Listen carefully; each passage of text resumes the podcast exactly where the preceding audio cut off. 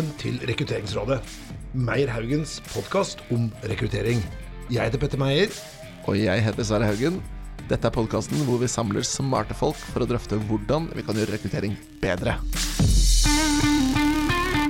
Ja, i dag er vi så heldige å ha med Nikolai Kirkeng Vennerød. Velkommen til oss. Takk skal du ha. Ja, Sverre, dette er, eh, har jeg gleda meg til.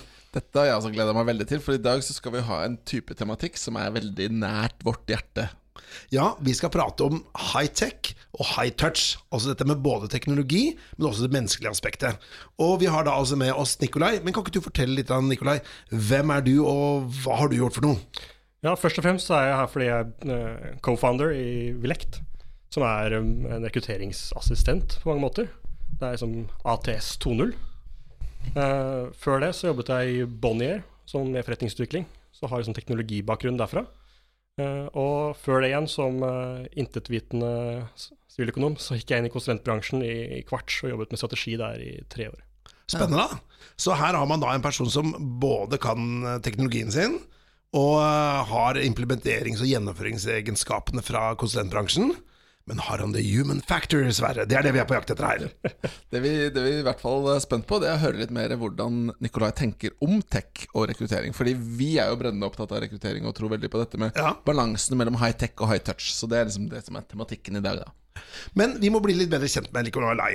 Og da jeg tenker at um, Vi har jo dette vanlige spørsmålet Hva skulle vi prate med deg om på fest? da? Så Hvis vi hadde vært på en, en eh, sosial sammenkomst, og så kommer en bort til deg og har et tema. Og Hva er det som har vært yndlingstemaet ditt å prate om da?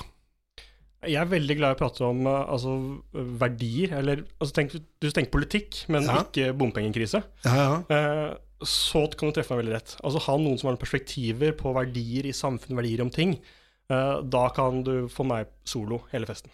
Så, men, men ikke verdier som i sånn pengeverdier, men med sånn etiske verdier og filosofiske verdier? er det du tenker på? Nettopp. altså det, ja, håper si dilemmaer. Uh, ja, Sånne Ting man tenker på i, i, i, hverdagen og livet, eller ikke nødvendigvis gjør. Ja. Um, det syns jeg er veldig spennende. Altså, dette er jo livsfarlig å begynne å gå inn på i det hele tatt. For det, det er en sånn ting man kan begynne å snakke om, og så sporer det helt av. Det ja, vi skulle, kanskje vi skulle hatt en sånn verdidebatt her? Ja.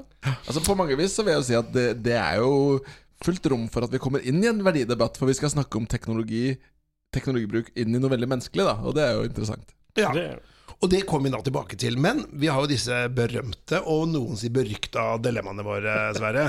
Kunne ikke du bare dra kjapt gjennom de, og for dere som lytter, så kan jo dere tenke litt på hva hadde dere svart, hvis dere måtte svare ja eller nei på disse verdiene? Nei, verdiene, sier jeg. Blir veldig opptatt av det. Disse dilemmaene.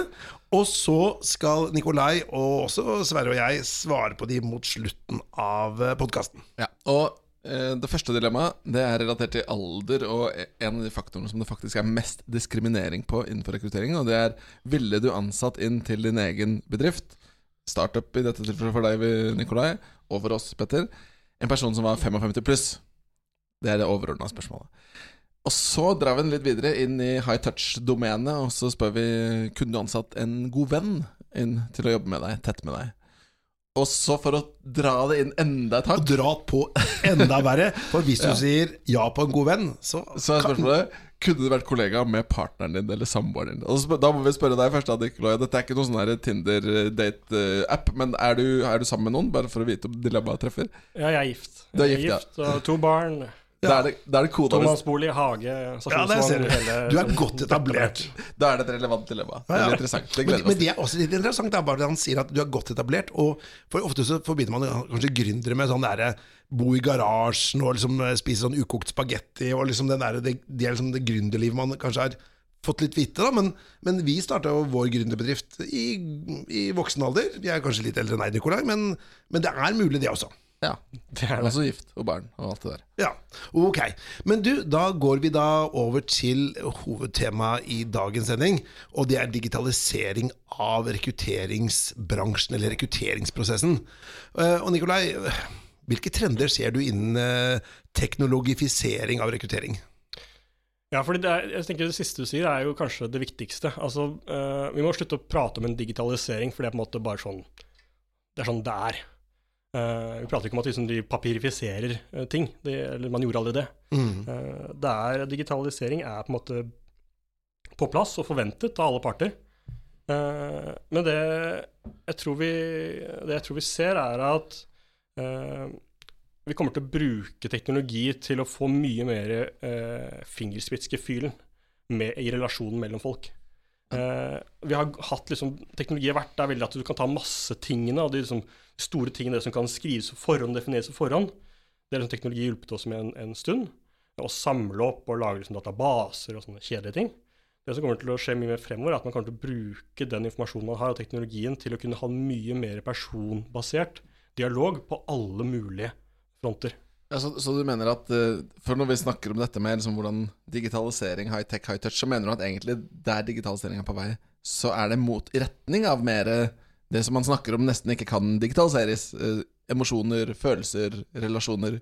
Ja, eller i hvert fall sånn for å kunne, kunne, uh, kunne enable det da, på godt norsk ja. i mye større grad. Uh, altså Du ser jo sånn Dere har jobbet med rekruttering. Og jeg tipper jo veldig mye av deres tid går i kandidathåndtering og byråkrati og punching og sånn. Ting som ikke har noe med kandidatopplevelsen eller egentlig det å finne noen til jobben, eller den jobben dere skal gjøre. da. Veldig store deler av liksom, arbeidsdagen går opp til ting som ikke har noen ting med det du skal gjøre å gjøre. Folk må ikke regne på det, det er livsfarlig. uh, jeg tror at det man kommer til å bruke teknologi godt, er å ta alle de tingene som ikke er verdiskapende den jobben man skal gjøre, og få, få de vekk, slik man kan fokusere på de oppgavene som skal gjøres, og de oppgavene som menneskene er gode på. Uh, og så kan teknologien ta alle de tingene som vi er dårlige på. Ja. Huske ting. Veldig dårlige på å huske ting. Uh, ta og Sette ting sammen og i system. Veldig dårlig setting sammen i system, i hvert fall. Uh, bevisst og sånn organisatorisk. Ja, og så kan vi ha mer tid til å tenke større, tenke bredere, og kanskje ha liksom energi til overs til å ta noen altså wildcard-kandidater inn og snakke med dem, fordi vi har jo kapasiteten til det. Det tror jeg som er det teknologien kommer til å gjøre.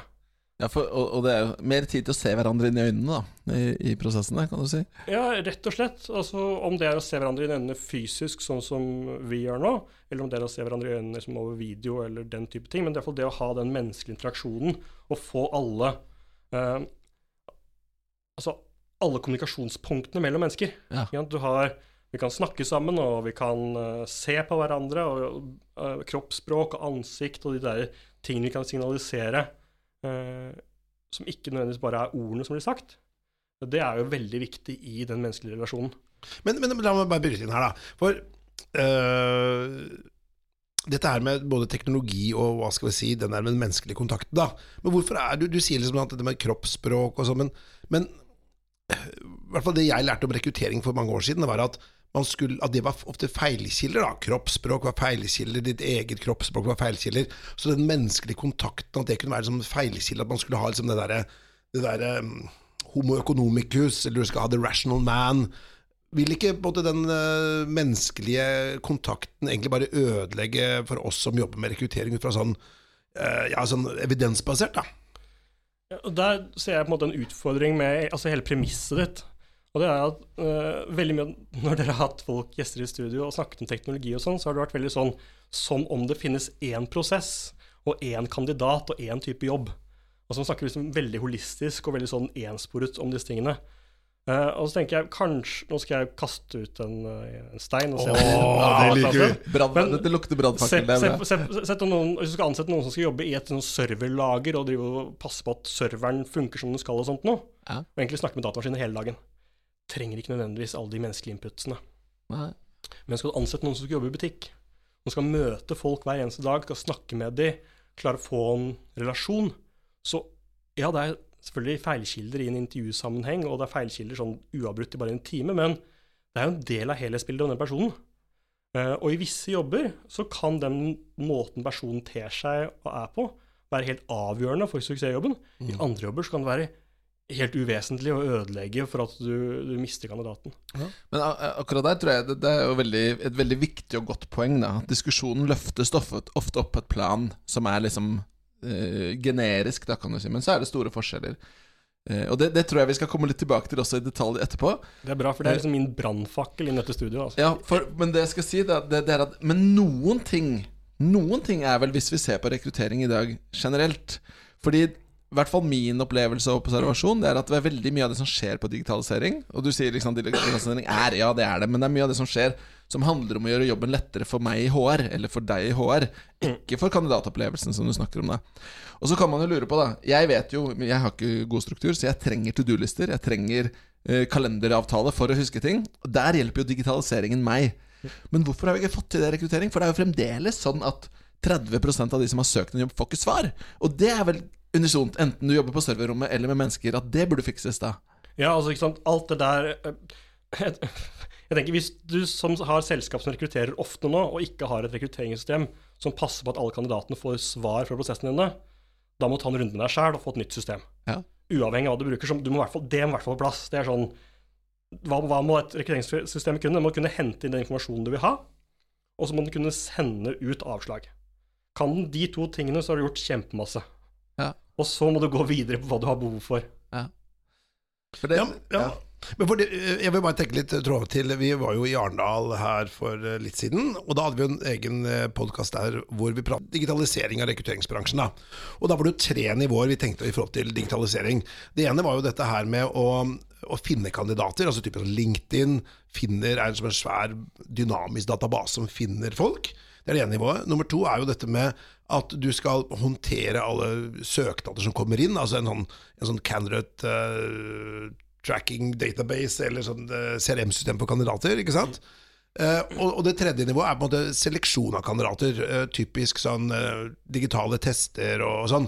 Um, er det på hvilke av disse områdene Eller for å si sånn uh, Vilek, da, eh, som er ditt selskap, på hvilket område er det dere jobber? Eh, Vi jobber i og for seg innenfor alle retningene, men det vi har tatt for oss først, det er den administrasjonen og support. Eh, Og det handler jo dette her om å få sendt avslag og dialog med søkeren og den biten. Eh, Men vi har også tatt det andre veien. i at Det er ikke bare søkerne som må følges opp. Det er også rekruttererne i vårt tilfelle. For vi har jo ikke laget et system egentlig for HR. Vi har laget et system for eh, ikke-HR-rekrutterere. ja, så for le lederne Eh, nei, altså det, vi har jo For å ta litt, litt om Elect, da. Så er vi Vi har laget et rekrutteringssystem som er skreddersydd for servicemedarbeidere. Vi startet med retail, tok for oss det, og fant ut hva var utfordringen i denne bransjen når det gjelder rekrutteringer, eh, og hva er utfordringen for søkerne i denne bransjen når det gjelder rekrutteringer. Eh, Og det vi så, er at det er jo butikksjefene her som gjør mesteparten av jobben. Og butikksjefene, så er rekruttering er jo en veldig sidegreie i forhold til hva de er gode på, hva de kan, og hva de elsker, og hva de gjør. Det er bare sånn, De må bare gjøre det for å ha folk i butikken som fyller vaktlistene og selger varer. Det er noen klassiske Alle ledere den viktigste jobben som du ikke har tid til. Ja, jo, men det er, det er alltid det, men her er det liksom enda mer ekstremt, fordi eh, de er heller ikke på noen måte har man tid til å utdanne dem på å rekruttere. Så de må jo bare sånn Ja, du vet jo hva du vil ha i butikken din, så bare ansett det. Ja. Også på hvilket grunnlag? Eh, I de fleste grunnlag så er det kanskje en søknad om CV som kommer over disken, ikke sant? Eh, mens vi har prøvd å si ok, men hva er det man egentlig har behov for? Eh, og det man ikke har behov for, er en som kan skrive en innmari god stil på en A4-side. Det er veldig sjelden det man har behov for i butikk, for det skal man aldri gjøre. De har egentlig ikke noe særlig behov for erfaringsbiten på sånn det totale CV-bildet heller. Så vi har skrudd om prosessen fullstendig for å være tilpasset butikksjefens hverdag. Så de kan opprette en ny stilling i løpet av liksom, 30 sekunder. For de trenger det å kunne gjøre bare fort på mobilen. Ja. Uten at det er noen prosess. De var sånn, pop, pop, og så trenger jeg en ny stilling. Ja. Eh, og så får, har HR da satt opp det bildet av informasjon de skal få. Så istedenfor at de må bruke tid og kapasitet og egentlig kompetanse de ikke nødvendigvis har på å lese en CV, som ikke er lett det er, Altså snakk om feilkilder i kroppsspråk. Feilkilder i å lese en CV er jo helt enormt. Ikke sant? Og det samme gjelder søknadsbrev. Så har vi strukturert opp egentlig en, et skriftlig dybdeintervju. Som er, auto, altså det er eh, maskinelt, så det, det det går på en måte i chatbot, eller? Ja, nesten chatbot. Det er eh, Det vil fungere som det, for det er, en, altså det er eh, et spørsmålstre, da. Sånn som man kjenner fra Ja. Questback eller noe. At man, Ja. Du går forskjellige ruter. Svarer du det, så får du et annet spørsmål. Ikke sant, ikke sant? Er avhengig av hva Så du slipper unna det der Hvis du svarte ja på forrige spørsmål, så Ja, ja. Ja, Og det gjør også at vi kan eh, ikke ha et formelt språk. Slik at det står ikke som CV, punktum. Det står eh, Eller Har du noe jobberfaring? Ja. Så sier de ja, det har jeg. Ikke sant? Kan du fortelle oss mer om det?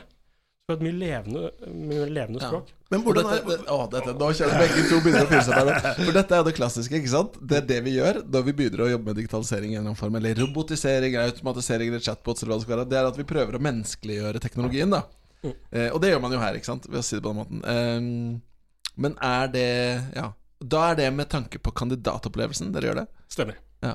Men hva, hva er fordelen for en kandidat? eh, for det som er i hvert fall viktig for oss, eh, Sverre, det er jo kandidatopplevelsen der, og liksom kandidatperspektivet. Og hva er fordelen for en kandidat på den måten dere gjør det på? da? Fordelen for kandidaten er at de svarer på de spørsmålene som rekrutterende er interessert i. Sånn, hvis du er kandidat og skal søke forskjellige jobber, og så sier de ja, bare send oss en søknad og CV. Ja. Så sier de å ja, men jeg har aldri søkt en jobb før, jeg. Så du hjelper Hva, hva er en søknad om CV? Så må du inn og google det, eller finne ut av det, og så prøver du å sette opp en CV, og så er du i retail, så er du 17 år, ikke sant, så du har ikke noe erfaring, så du er elevråd og tennistrener. Uh, og så på søknadsbrevet så er hva skal jeg, hva skal jeg fortelle her? Ja. Jeg er 17 Men- år. Men, men dette er jo, og det, her er det jo helt åpenbart et løft på kandidatopplevelsen, som jeg kan se, og det er liksom å, å gjøre det lettere å søke. Mm. Og det er sånn Når vi har vurdert ATS-er hos oss, så er det sånn et veldig kritisk kriterium for meg er sånn det må være en sånn one click application. Søk med LinkedIn, ikke noe søknad, det er det. Og ATS det er Application Tracking System, Ja. bare for de som ikke vet det. Mens, eh, men så kommer jo det interessante, da hvis vi igjen går tilbake til digitaliseringsdilemmaet. Og nå løfter jeg det litt, kanskje jeg sporer av fra der vi var, da. Men det som er litt utfordringen, det er at hvis du går inn i f.eks. offentlig sektor da, og søker en jobb, så skal du jo måtte tilgjengeliggjøre offentlige søkelister. Og det gjør at jobben legges på oss, da. Hvis ikke vi har henta dataene, så må vi publisere disse, lage disse listene. Og jeg tror det er litt av grunnen til at mange da velger å si at du må punche inn hele CV-en din på nytt inn i søknadssystemet, ikke sant? Inn i ATS-en, for at vi skal automatisk generere det, da. Ja, for jeg synes også det er spennende her, Nikolai, det er at i hvert fall systemet deres det er på en måte for retail. eh, og som du da, Eksemplene dine er jo altså yngre personer. Det er kanskje førstejobben eller andrejobben. Dette er ikke en sånn etterutdanning-jobb. eh, men systemet de kanskje funker for det også. Men mange personer har jo da allerede en CV de har. De ønsker å kanskje vise seg fram med andre ting. Da, ikke sant? For, ja, nå kjenner jo ikke jeg ditt system så godt, men la oss si at det er sånn som du sier, dette er spørsmål som dere er interessert i å få greie på. Men la oss si de dataene, eller det som kandidaten har lyst til å fortelle om, da. Er det noen sånn åpne bokser du kan fortelle om? Du, dessuten så har jeg eh, reist jorda rundt, eller jeg, et eller annet som du har lyst til å fortelle om, da. Dette settes opp eh, per kunde. men De aller fleste har et sånt felt som er sånn Er det noe annet av interesse og lyst til å fortelle oss, eller liksom, Ja, fortelle oss noe mer om deg selv? Du kan freestyle lite grann. Du kan freestyle lite grann. Uh, men det som er poenget vårt når vi stiller spørsmålene, er jo En ting er at det skal være lett sånn digitalt lett. En annen ting er at det skal være, spørsmålene skal være gode i den forstand at det er lett å svare godt på dem. Mm. Det er veldig viktig for oss i kandidatopplevelsen. er At kandidaten every step of the way skjønner hvorfor dette her er et element. Ja. Skjønner hvorfor dette her er Det er ikke sånn ting. black box-tankegang. Nei, ikke i det hele tatt. Det er sånn vi, vi, vi tror at hvis vi gjør det lett for kandidaten å svare godt Og da svare godt så ser jeg ikke liksom at det er liksom ett riktig svar, men svare godt for seg, Mm. eh, så tror vi at informasjonen man får på andre enden, blir også mye bedre å lese. Når vi strukturerer det på den måten vi gjør, slik at den ikke blir sortert av altså ikke blir, øh, blir øh, satt ut av at man bruker Comic Sans i CV-en sin, ikke sant? og den type rare ting. Bobleskrift i overskrifter og sånn. Ja. Ja, ikke sant? Så alle tingene blir jo satt opp på samme lest, så du, Ja. man, man kan jo se på en kandidat, og så kan det jo alltids være noen som har en imponerende CV og sånt nå, og det er kjempeinteressant, men kanskje ikke i screeningfasen. Spennende. Men du, jeg er jo holdt på med i rekrutteringsbransjen så, i så mange år at når jeg begynte å rekruttere for ja, par og tyve år siden, så fikk man jo inn da ja, Det var ikke akkurat håndskrevet CV-er, men de hadde i hvert fall skrevet på alle mulige typer former og formater, da, for det var ikke noe sånn application tracking system. Og, men det var også ganske god informasjon for oss da, som satt og rekrutterte. For, for øhm, da, da, liksom, nå er jo CV-ene helt like, da, for alle har sett de samme CV-malene, og alle har måte går gjennom de samme si, webkruter eller disse systemene, så de CV-ene ser veldig like ut. Så du får ikke den personlige touchen med en kandidat, hvordan de har bygd opp et brev. da, For det er jo en del ekstra informasjon der som kan være nyttig for deg, syns du ikke? Det kommer igjen helt an på jobben. da. Mm. Igjen så mener jeg at skriftlig formuleringsevne innenfor en del serviceyrker ikke er relevant kriterium å sortere kandidaten på. Selvfølgelig kjempebra om de kan det. Det er sikkert ikke negativt for jobben at de kan formulere seg godt skriftlig, men det er ikke vesentlig nødvendigvis i screeningfasen. Eh, I hvert fall ikke eh, i forhold til andre ting som vi syns er interessant å ha med. Vi mener også det er en greie som man må ta inn over seg som i rekruttering og når det gjelder ta i bruk ny teknologi og sånt, så kan man ikke bare si at ja, vi har denne søknadsprosessen her, som vi alltid har hatt, med søknadsbrev og CV, og så må du fylle Skal du bare sette strøm på den? og sånn. Og så skal vi også ha video, så skal vi også ha psykometriske tester, og så skal vi også ha litt dilemma-quiz, og så skal vi også ha ditt Altså, eh, jeg tror at en del selskaper der ute må ta en runde med seg sjæl og finne ut av hva er det de forskjellige rollene vi har i selskapet er for noen ting. Og hva er det vi trenger å vite når vi skal finne nye folk inn i de rollene, Ja. og som er villige til å kutte. Altså, så, og da kan jo et eksempel være Fordi Du nevner video, ikke sant? Vi vet at video er jo fremdeles en tematikk innenfor digitalisering. Skal man kjøre videointervjuer? Det vet jeg dere gjør i Villect, eller i hvert fall inntrykket mitt er det. Og Det, Det er riktig. Ja. Og da jeg var rekrutteringsansvarlig i Accenture for gudene vet hvor mange år siden, nå, nesten ti år siden, så var jo dette en diskusjon. Skal vi kjøre på videointervjuer? I dag så er jo videointervjuer veldig mye mer. I dag så har du jo Hireview har jo kroppsspråkanalyser som kan gi personlighetstester og integritetsvurderinger og sånt noe basert på mimikk. Mm. Eh, men det som er litt viktig, tror jeg, når man diskuterer det, igjen tilbake til det du sa, Nikolai, det er jo det med at hvilken stilling er det? For det er klart, Skal du sitte på serverrommet og skru på en server, så trenger du kanskje ikke være så ekstrovert, og da vil videointervju ekskludere. For vi vet jo at 50 ble det nevnt på HR, for HR, sine, for HR Norge sine rekrutteringsdager. Faller av på, på videointervjuer. Men til servicebransjen så har det kanskje en purpose, Fordi da skal du være tørre å snakke med folk og Ja, ikke sant. Du, du, du skal i hvert fall kunne Du skal jo stå foran andre mennesker, fremmede mennesker, hele dagen uh, i uh, en butikk og, og, og interagere med det. Så hvordan du klarer å se ut og formulere deg, hva slags type energi du klarer å utstråle, det er, det er helt avgjørende. Uh, og det er noe man prøver å måle i de fysiske intervjuene, ikke sant. Og her tror jeg det er en greie når det gjelder introverte og ekstroverte. Fordi det vi har sett uh, i de prosessene vi har holdt med dette Vi har jo holdt med video i tre år. Da vi begynte med det for tre år siden, så var jo det ganske Selv om Hireview har gjort dette kjempelenge i USA, så er det sånn var mye utrådd uh, mark Ja. uh, når vi var ute og snakket om video. Men det vi så, som var en helt overraskelse for oss, var at en del som er naturlig introverte, de leverte mye bedre på video, altså i hvert fall hos oss, enn det de gjorde i intervjuene når de var ute hos våre kunder. da. Og det vi tror er grunnen til det, er at hvis du går inn i hva det betyr å være introvert og ekstrovert, så blir det hvordan jeg oppfatter deg, eller hva slags energi jeg får av deg, men det handler om hva slags energi får du av meg. Mhm. Og det vi, altså vår hypotese her er at siden våre videospørsmål er akkurat som de andre spørsmålene, veldig bokset inn som gode spørsmål, i hvert fall skal de være det, Ja. Eh, det er ikke alltid vi får det til, men det skal da være det. Slik at vi kan vi stiller eksempel 'Fortell om en god handleopplevelse du hadde'. Og du får lov til å fortelle om det på 30 sekunder. Da er det veldig oppgaven er bokset inn. Mm. For en introvert er det helt konge. Ja. Jeg vet akkurat hva jeg skal gjøre, jeg vet akkurat hvor lenge tid jeg har. Jeg vet hva som forventes av meg. Og da kan du gjøre den oppgaven mye bedre enn når du kommer til et intervju og møter fysiske andre mennesker som tar deres energi, og stiller spørsmål de ikke har peiling på, ikke vet hva som forventes av, ikke vet hvor lenge de skal prate. Så vi tror at man skal sette opp en søknadsprosess og ha eh, forskjellige faser som kan triangulere informasjon. Mm. Du har det skriftlige, ja. som du må hjelpe så godt du kan, sånn som vi gjør. Og så har, har du noe på video som gir et, sånn, det fysiske inntrykket. Og så har du dette personintervjuet som også gir noe om den spontaniteten og den biten av det. Men la meg bare ja, Åh, oh, okay, ok, Det er gøy, det er jeg det. Veldig, gøy, å- det er veldig gøy å se dere. For dere er dere på mikrofonen begge to rimelig kjapt. ja, vi er det. Vi er altså ekstroverte, begge to. Bare så det er sagt. Men, For deg selv. men spørsmålet mitt var rundt introvert-ekstrovert, og det er egentlig et spørsmål som jeg ikke har svaret på. Men det er jo mye snakk om Hvis du ser på videointervjuer, klassisk bare videointervjuer, at, at du tar et videospørsmål som det svares på, istedenfor et vanlig intervju.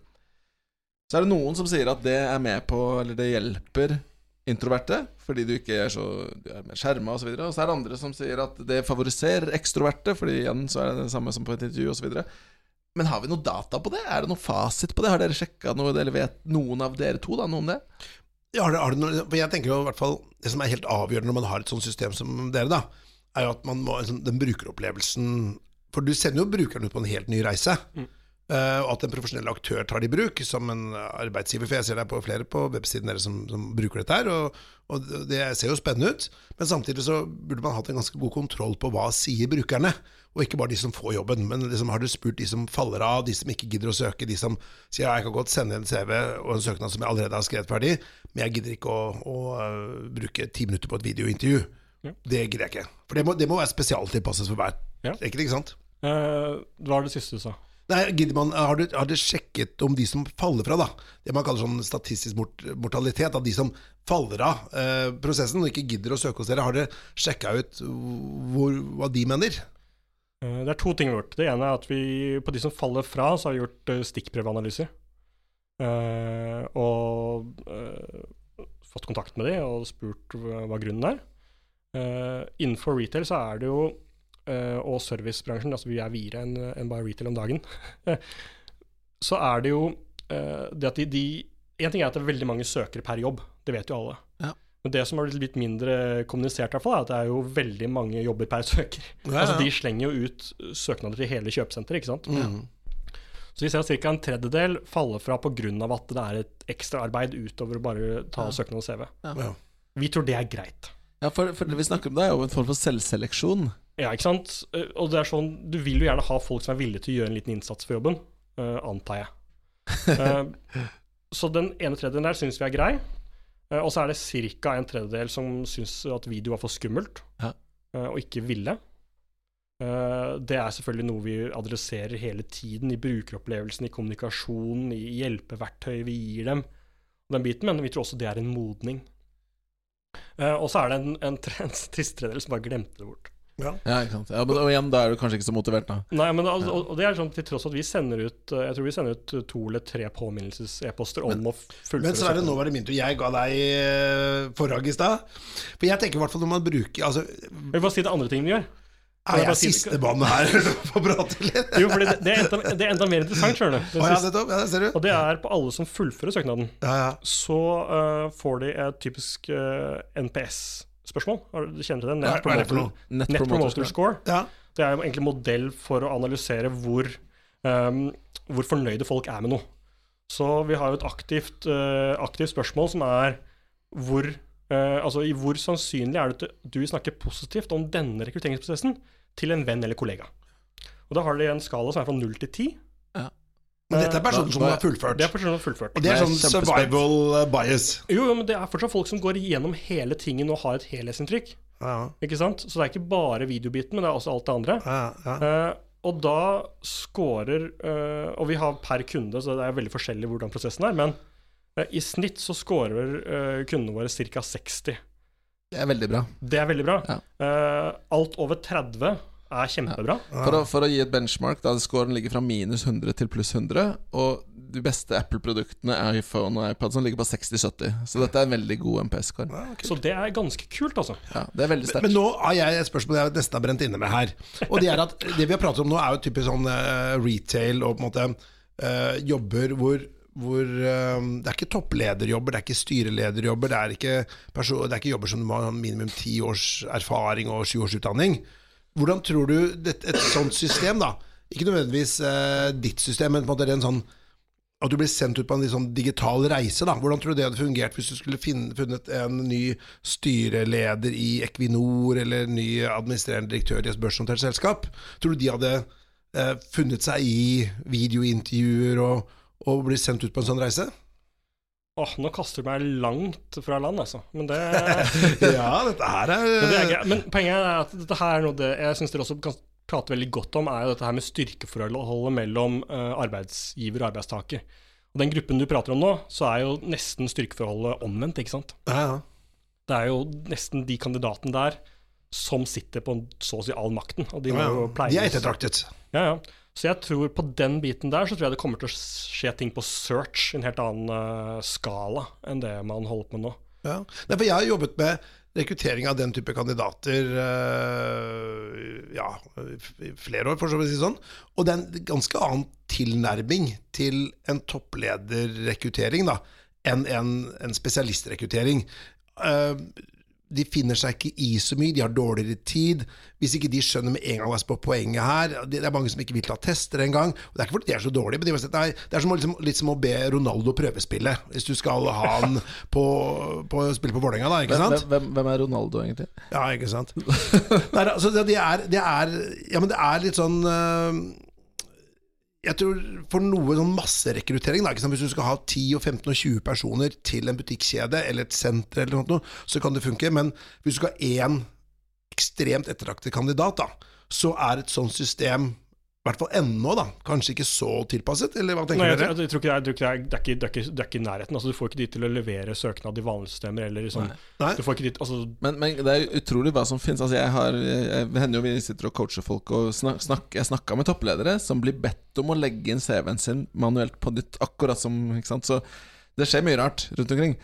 Men litt av premisset for diskusjonen her var Var jo nettopp det at det er forskjell på prosesser. Så det er jo liksom så det Jeg tror vi kan være, konkludere med at det funker ikke på samme måten der, da. ja, men der tror jeg, der tror jeg, der tror jeg man må ha et helt, annet, altså, det er et helt, helt annet system. Jeg tror På toppledernivå tror jeg det ser også ekstremt mye dårlige ansettelser. Ja. Eh, Litt på grunn av kanskje at man ikke får den informasjonen Uh, om Mener du det er dårligere, altså prosentvis dårligere på toppledere enn på la oss si, de som er i førstelinja i en butikk? Jeg ikke, jeg, det er nok dårligere på førstelinjebutikk, uh, skal jeg være helt ærlig. Uh, det er altså, eller dårligere i den forstand du kan måle. Eh, det er jo, Retail sliter jo med veldig høy turnover. Ja. Eh, det er helt ekstremt. Det varierer selvfølgelig fra bransje til bransje. hva er og sånn. snittet på turnover i retail, tror du? Jeg tror SSB har snittet på rundt 20. Uh, og så er de kundene vi stort sett har pratet med, de har vært i, i 20 til eh, 40. Og i tilfeller har vi også vært borti folk som har 80 og over 100% turnover. Da, da er Cost litt per hire bør være lav, Ja, tenker jeg da. er Eller burde, burde ja. kanskje vært høyere, da. De burde så lagt burde det være én ansatt eller noe sånt. er, Nei, nei, det, altså det er store selskaper som, har, som ja. har over 100 i, i turnover. Det er også internasjonalt, da. Ja. Ja. Eh, I Norge så har jeg ikke hørt Jeg har hørt ett tilfelle med så høy turnover i Norge. Ja. Eh, men det er, det er veldig høyt, da. Men konsekvensen av en feilansettelse i butikk er mindre enn feilansettelse på toppen. Ja, for det tenker jeg også at, ikke sant Altså, øh, hvis du tenker statistisk sett, så er det jo flere større prosentandel av befolkningen som kan gjøre en akseptabel jobb hvis du skal stå i en butikk, enn en prosentandel av Norges befolkning som kunne vært styreleder i et stort børsnotert selskap.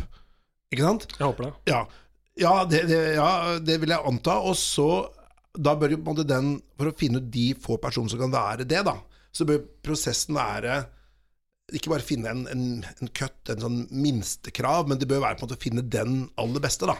Hvis du på en måte skal være sjef for et av de største børslokomotivene i Norge, da. Ja, men, altså, jeg er ikke- inne i det i det hele tatt. Men det jeg ville gjort hvis jeg skulle lagd et system for den type rekruttering isteden, da, eh, så ville jeg lagd et system som for det første analyserte bedriftsdata, slik at man kunne se som, eh, Man kunne måle helt harde KPI-er på hvordan denne personen har ledet tidligere bedrifter. Det var én faktor i profilbyggingen av denne personen. Ja. Jeg tror at Der kunne man brukt uh, dataanalyse og kanskje også maskinlæring og AI for å klare å finne ut ok, hva er det her som er Altså hva er alfa, da? Hva er det hva er, hva, hva er det som ikke nødvendigvis er forklart i dataene vi ser? Og da kan man til, legge i hvert fall en del av det på, på lederen.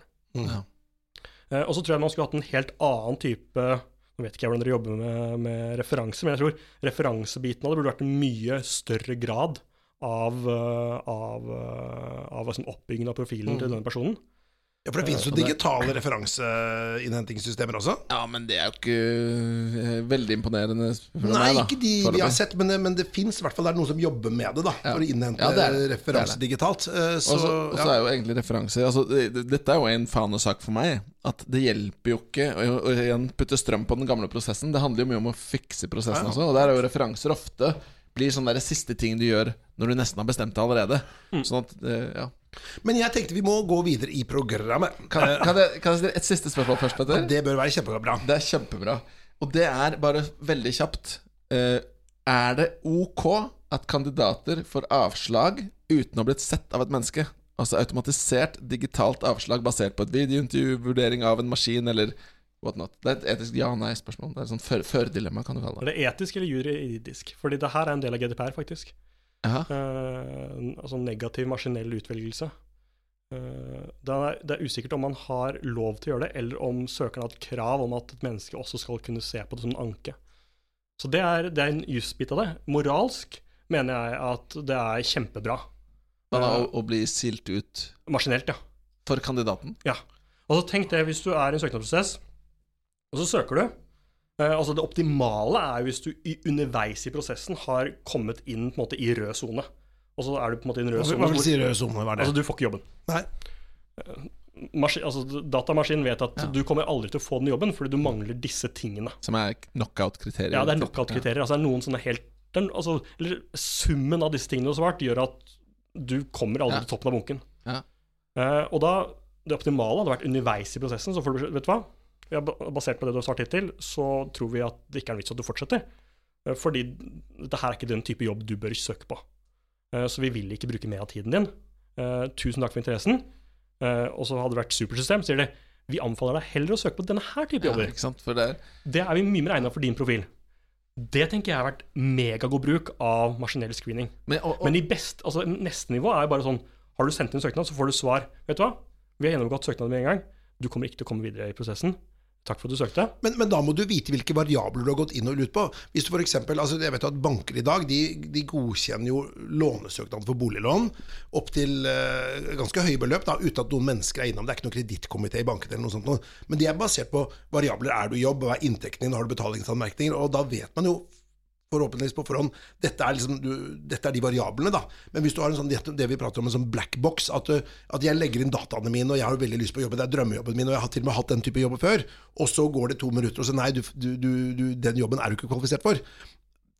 Og du har ikke noen muligheter til å prate med noen eller få noen tilbakemeldinger på hvorfor det ikke var.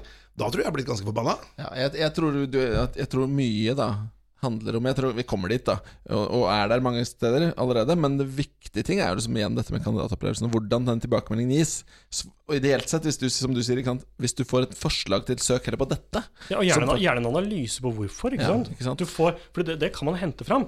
Altså, det er ikke, det er ikke, altså når jeg hadde spurt liksom, er det bra å maskinelt uh, sortere ut folk i avslag, så sier ikke jeg ja, det er bra å dårlig maskinelt uh, sortere folk og gi dem dårlig avslag. Ja. Det er jeg ikke for.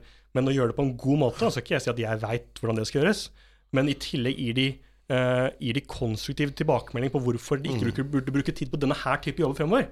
At du leser jo uh, Men da må du ha, men da må du ha en sånn Enten en ekstremt god datamaskin, da, eller robot, eller chatteprogram, eller et eller annet som gir gode tilbakemeldinger. Ja. Eller så bør det være en person der som i disse tilfellene kan gå inn og se på data. Altså i, I første gang så burde det være en person på, som kan ta og svare på mail, så du ikke får den mailen der fra et no reply at uh, dårligrekrutterer.no. Men nå må vi gå videre.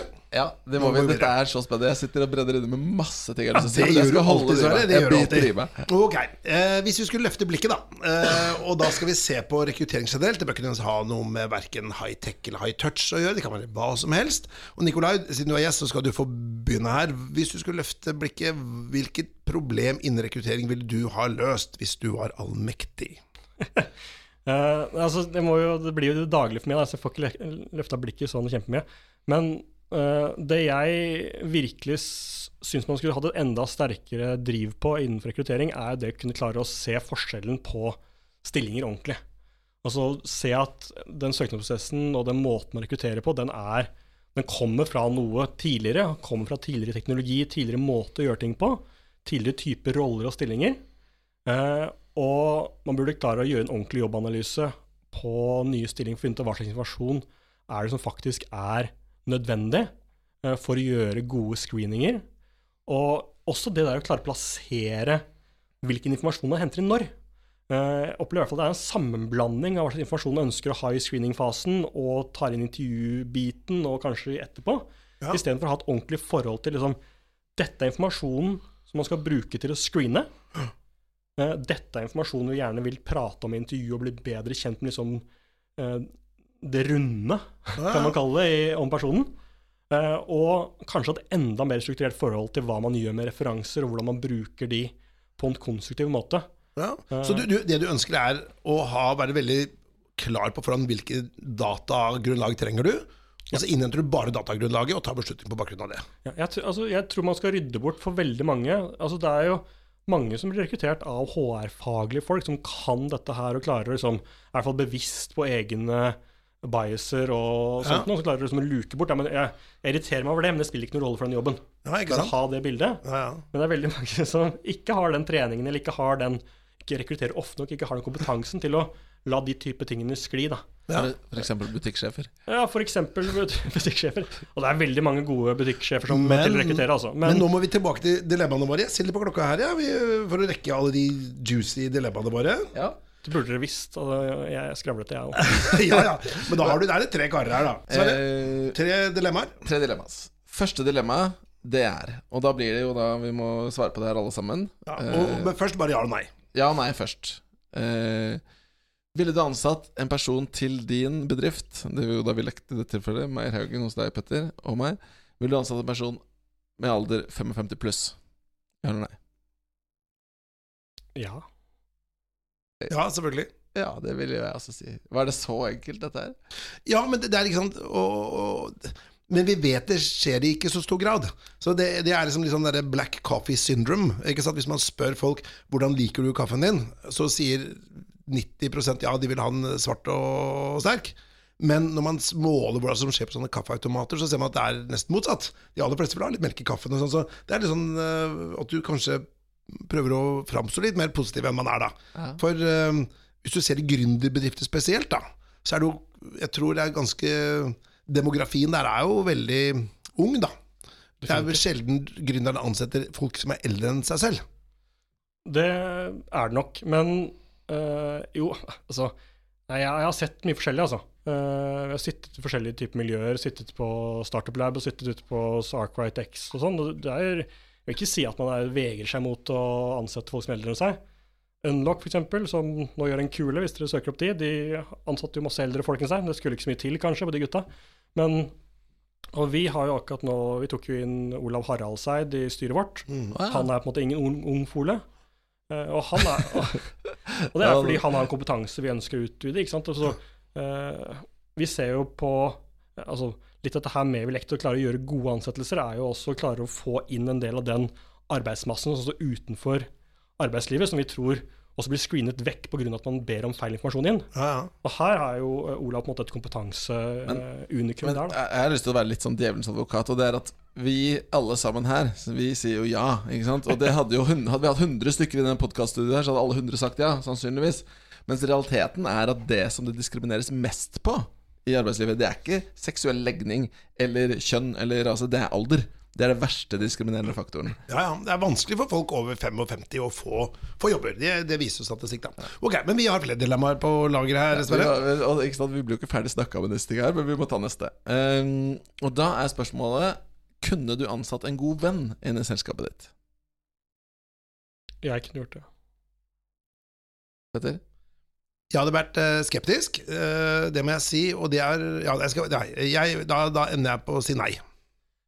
Og jeg vil si ja. Men, men jeg vil si ja. Nei, Men men da, du, du, først, jeg vil ikke begrunne. Ikke jeg heller. Okay, ok, jeg sier også jeg sier ja. Ok, eh, hvorfor ja?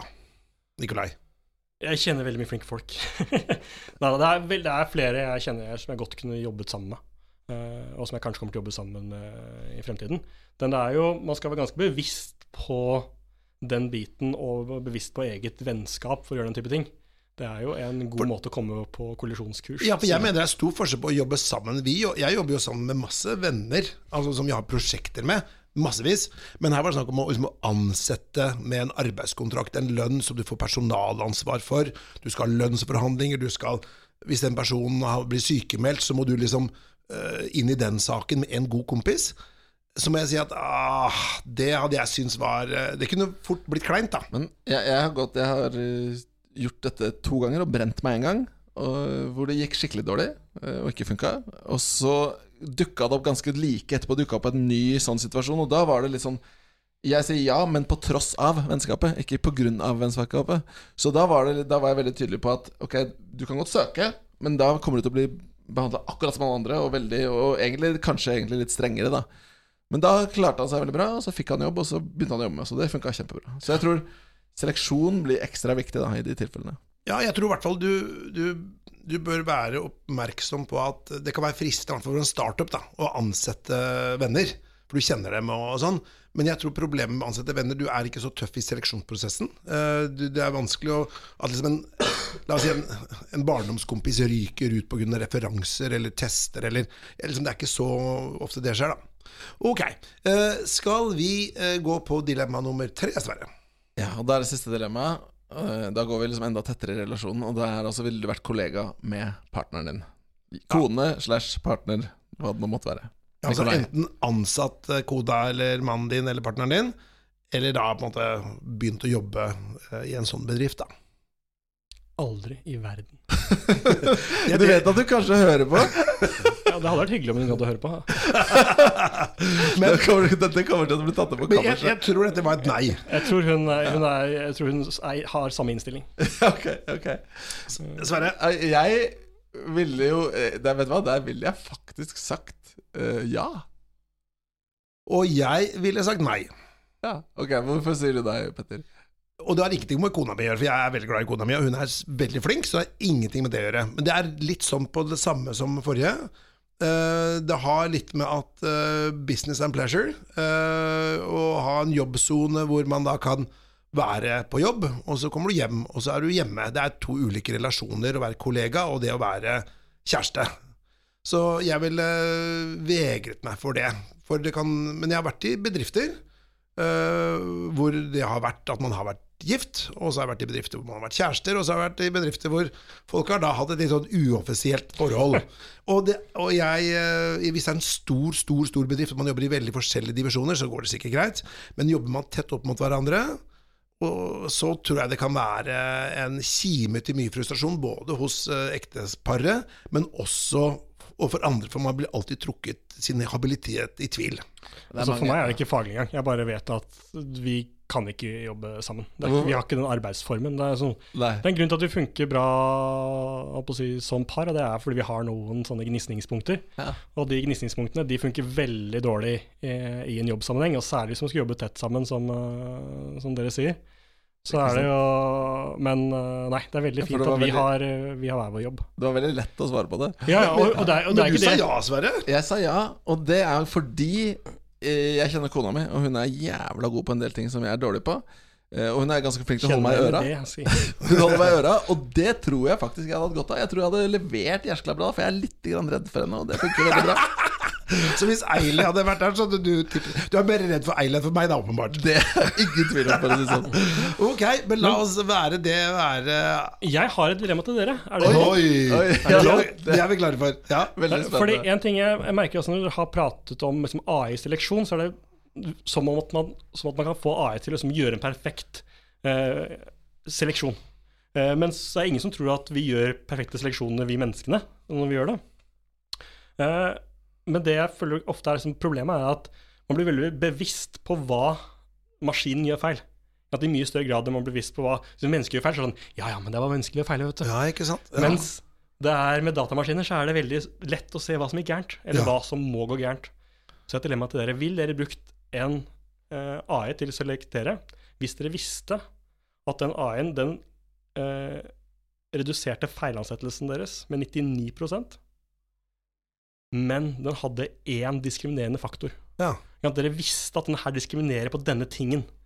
Eh, Eller altså den eh, Det kunne den- være kjønn eller etnisitet eller ja, Et eller annet dårlig, ikke sant. Så er ikke Ja. noe at eh, Ja, så, så brukeropplevelsen var er dårligere, men resultatet ble bedre. Nei, nei, altså, ja, du kan si brukeropplevelse, men sånn Denne her, på alle mulige områder, så vil du få en bedre rekruttering, men du vet at den diskriminerer lite grann.